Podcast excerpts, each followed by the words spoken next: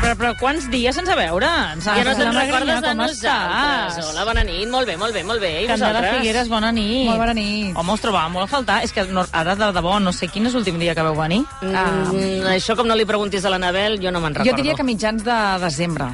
De, de... Gairebé, Mira, sí, sí. l'Anabel diu el 4 de desembre, fa més d'un dia. Imagina't si fa temps. Jo ho No, dic, jo dic que és la passat- teva tàctica per anar fent-nos fora del Sí, programa a poc a poc. No, han passat diverses coses, ara no recordo quines, però entre, entre d'altres, els últims dos dilluns sí que recordo, que el dilluns passat era dia 1 de gener, que era festiu, i l'anterior era 25 de desembre, que jo el, el dia de Nadal no vaig venir, com a mínim. No, ni- ni- Vosaltres ni- tampoc ni- teníeu ni intenció haguéssim de venir. No, no, no. no I els altres dos, doncs, un no us devia tocar i l'altre potser no us anava bé.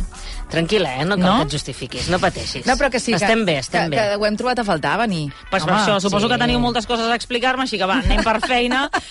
Ana Pris, comences tu, de què no s'ha parlat prou? Uh, jo tinc un primer comentari i perdoneu que la primera, Ai, ai, ai. el primer comentari que faci en aquesta secció del 2024 sigui per queixar-me, però ja que tinc un micròfon Vaja. al davant, deixeu-me queixar-me. Sabeu uh, que sóc uh, usuària assídua de la Renfe? Sí. Mm, Pateixo la Renfe Mitja constantment. distància. Mitja distància. a Barcelona, Reus, Reus, Barcelona. De tant en tant intento anar a Montblanc. Ja no intentis anar a Mollerussa, per exemple, perquè llavors No, t'hi eh? pots passar migdia. Uh, ahir, dia uh, important, perquè uh, doncs, uh, ja havien passat els Reis, mm. diumenge... Dia de retorn. Dia Sí. de retorn, com il fo, que les carreteres estaven plenes, però els trens també. Jo direu, ah, és que parles del teu exemple. Bueno, doncs parlo del que conec, però segurament hi ha altra gent a Catalunya que s'ha trobat en altres situacions... Eh, en, en les seves ciutats o en els seus eh, pobles. Dia 8 eh, ja vam agafar un tren a les 4 de la tarda, perquè si agafes el de les 5 i 14 o agafes el de les 6 i 30 i Perquè pico... són els que passen per Montblanc i n'hi han menys, i llavors van més carregats aquests dos. van més carregats i els estudiants també, saps, uh, Ja, apuren una miqueta. apuren una miqueta. Lleida, sí. Uh, només volia dir que Renfe, en un dia com ahir, uh, les uh, guixetes tancades, que no ho havia vist mai, i només les màquines funcionant, una que havies de pagar amb monedes, Uf. i l'altra que eh, ja estava ocupada durant molta estona perquè, evidentment, hi havia molta gent que intentava treure's el bitllet de l'abonament de, de trimestral de, de 20 euros i allò et costa perquè has de posar el DNI, no sé què, tal. Una cua impressionant. Hi havia un senyor, una mena de... Doncs, eh, com aquests que trobes a Sants que van... A... Informadors. Informadors que diguéssim... eh, A veure, a veure, Què informava? Què informava? que n'he vist... Perquè a vegades n'informa. Sa... Bueno, saps?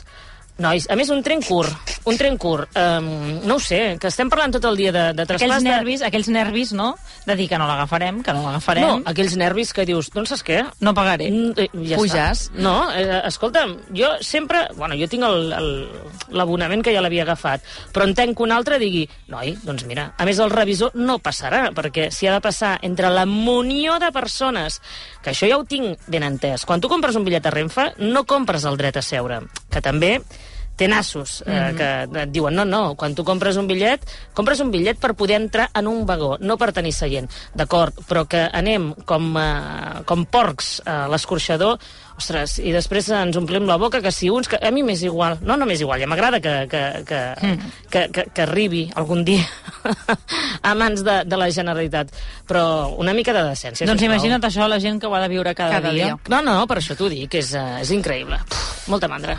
Doncs queda dit aquest primer apunt de, de l'any amb aquesta queixa a Renfe, que no sé si se n'ha parlat prou o no, però en tot cas no se n'ha parlat...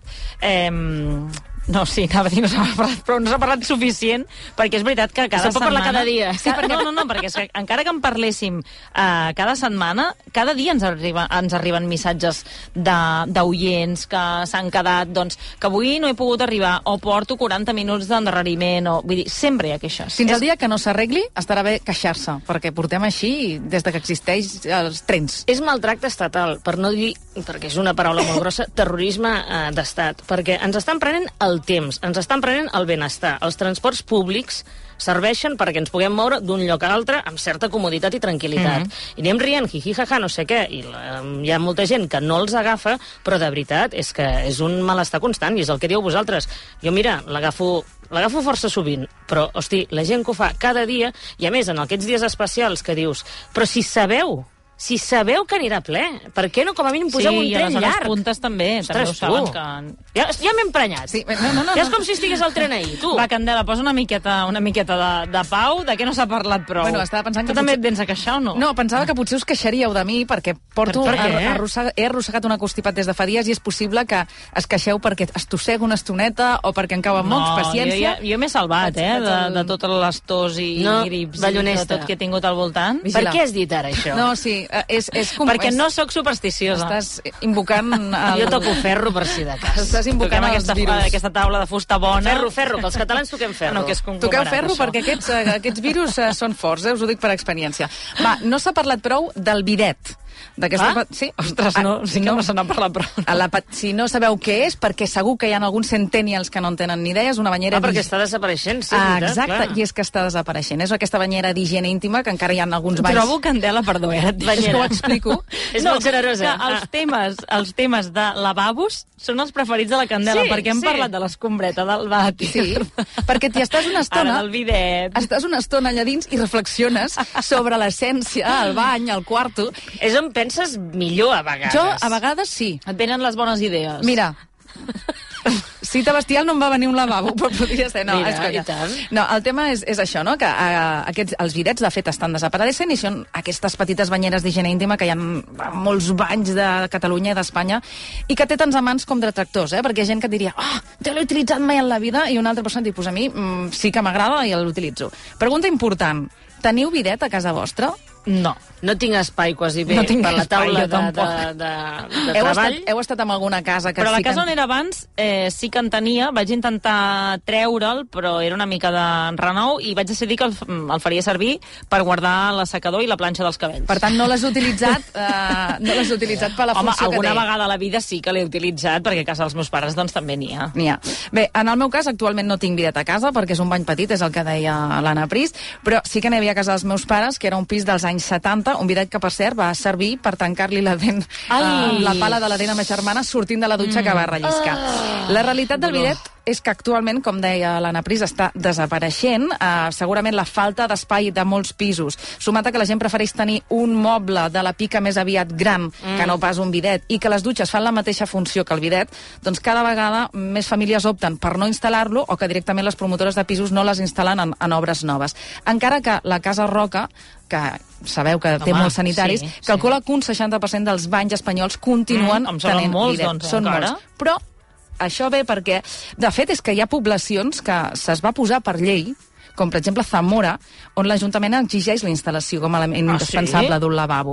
I és una normativa de l'any 1986 que ha quedat una mica caduca, però és veritat que si no l'apliques no et donaran eh, llicència. Que hi havia un regidor que feia bidets o... No, el tema... Treballava a la Roca. No, ara us ho explicaré per què. I a Galícia, per exemple, han deixat de...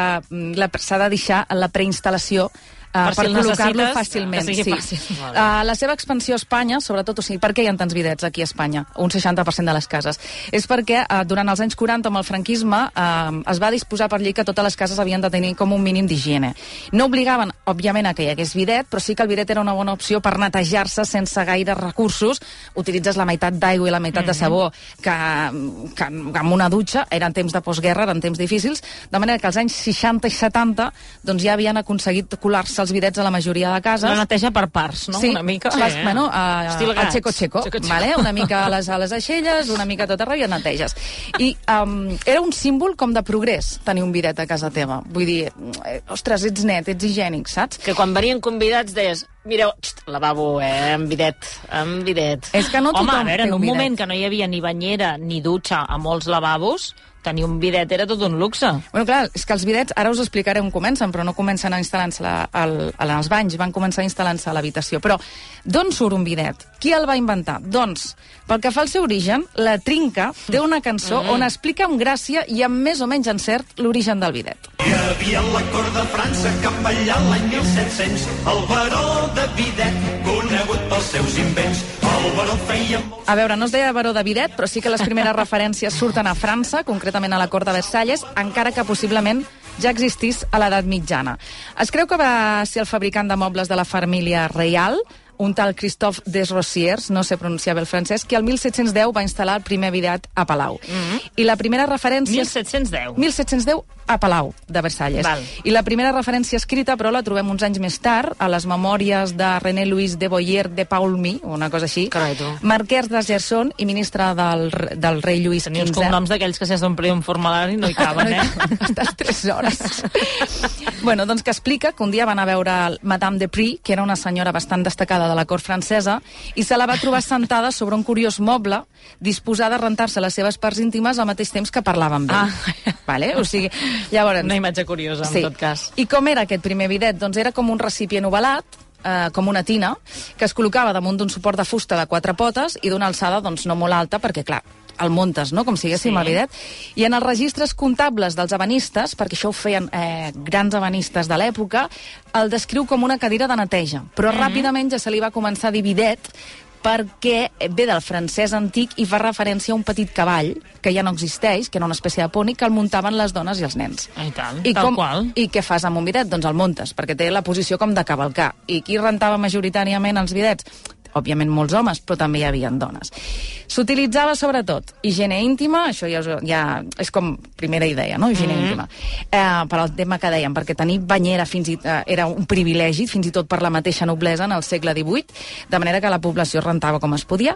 També per la funció... Tampoc eh, es rentaven... Vull dir, no, no era com ara que ens dutxem No. eh, cada dia, eh? Vull dir... No, per això, que fins i tot tenir dutxa per la noblesa i per les Sí, classes sí, pudientes sí. era molt difícil. Llavors, doncs, xeco, xeco, i amb això ja feien fins i tot els, la gent de quartos. També tenia la funció de lleugerir la vermellor de les natges del cul, perquè hi havia molts homes que cavalcaven molta estona, estaven a cavall i, a, Ah. i alleugeria.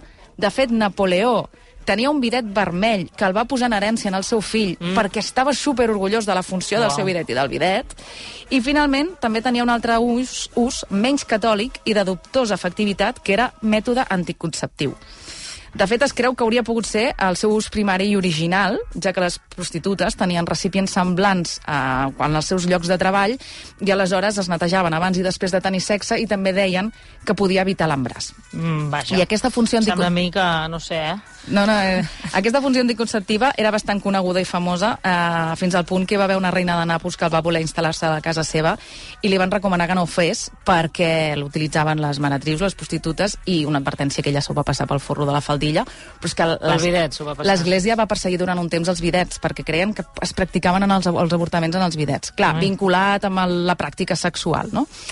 Bé, segurament, per aquesta finalitat dels bidets, per netejar-se per l'acte sexual, per això els bidets inicialment estaven posats en els A les dormitoris. habitacions, Sí. i no als lavabos. Sí, encara que després, ja quan va arribar doncs, els banys, aigua corrents a les cases, canalitzacions i tal... L'orinal i el bidet, no? Com...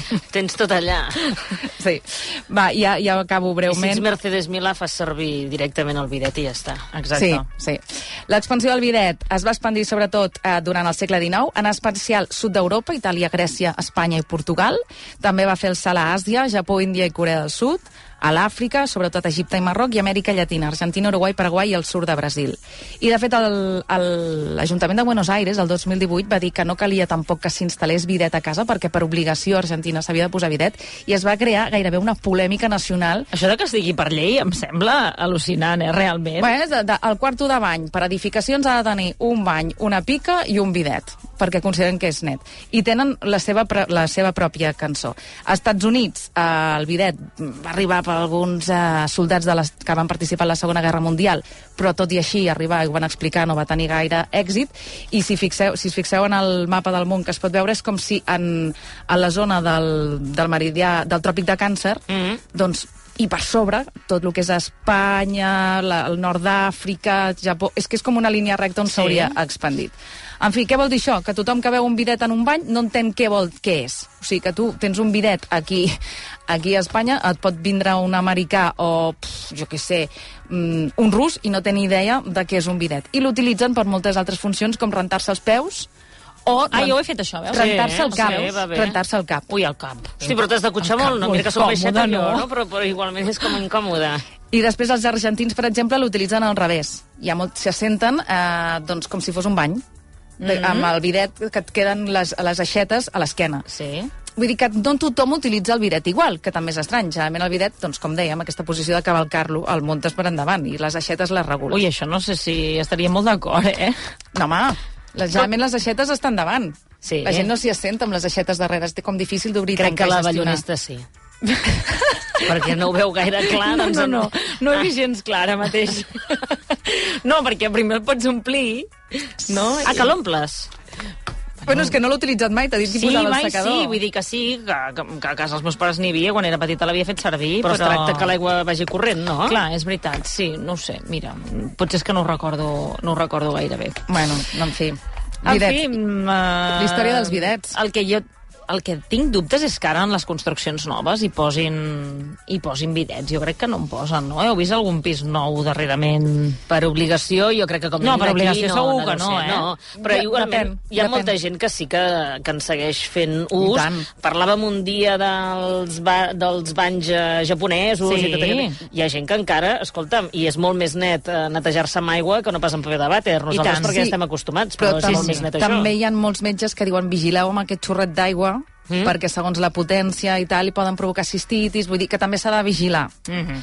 Al final tot és molt difícil, eh? Mai japonès- res està bé. I aquests banys ja intel·ligents dels japonesos Sí. ve realment de, de, de, de juntar el bidet amb el bany. Sí, que sí, ells sí. sí que en feien ús. I aleshores Després t'has d'aixugar, eh? Perquè si no vas molt tot No, home, no, sí. Bueno, va, a veure. en fi, eh, Presta Bueno. anava a dir de què més volies parlar avui, però però se'ns ha acabat el És que amb temps el i a més, emocionat. la Candela ho ha dit abans, però crec que demà precisament es podrà veure Ai. tots els capítols del Cita Bestial Home! a la plataforma 3CAT. Oh! És el millor amic. Jo vull un gos pues, perquè et donin El més fidel. Què, Candela? Ai, tinc moltes ganes. De què va, Cita Bestial? Doncs de persones que volen adoptar un gos i volen posar-lo a les seves vides i de gossos que estan en protectores esperant trobar doncs, el millor amic amb qui compartir. I aleshores um, nosaltres al programa és ajuntem aquestes persones amb aquests gossos, mirem si hi ha maig o no hi ha maig, conviuen uns dies, perquè mm. les protectores et donen uns dies per conviure amb aquest animal i mirar si s'adapta, i després decideixen si hi ha, realment hi ha hagut connexió o no n'hi ha hagut. Home, digue'm que hi ha sempre maig. No n'hi ha sempre. No n'hi ha sempre. És com un reality, això. És un reality de- de- d'humans i gossos. Humans i gossos. És Quants que- capítols en total? Vuit. Vuit, Vuit i capítols? dos històries per, per capítol. Que xulo, I quan duren més o menys els capítols? 45 minuts. Ens és igual, Diria que 45 els mirarem minuts. tots dues mirar-los. vegades Està molt bé. seguides. La gent que li agraden els animals disfrutaran, qui hagi tingut un gos a casa disfrutarà. Oi, I és que I qui no en tingui, millor. en voldrà adoptar Potser s'ho pensarà, exacte. Ah, doncs estaria mira. bé, perquè les protectores hi ha molts animals. Doncs ja ho sabeu, a partir de demà, aquesta plataforma nova de 3CAT, que podreu veure aquests vuit capítols del Cita Bestial, presentat per la Candela Figueres. Candela, que vagi molt bé. Gràcies. Anna Pris, moltíssimes gràcies. La setmana que ve, no l'altra. No, la Oh, setmana sí, que ve, la la setmana que que Ah, ve. no, sí, la setmana que ve. Tranquil·la. Si és que em teniu tot desendreçat. Bueno, doncs la setmana que ve ens tornem a veure. Vinga, va, que vagi bé. Bona nit, fins Adéu. demà.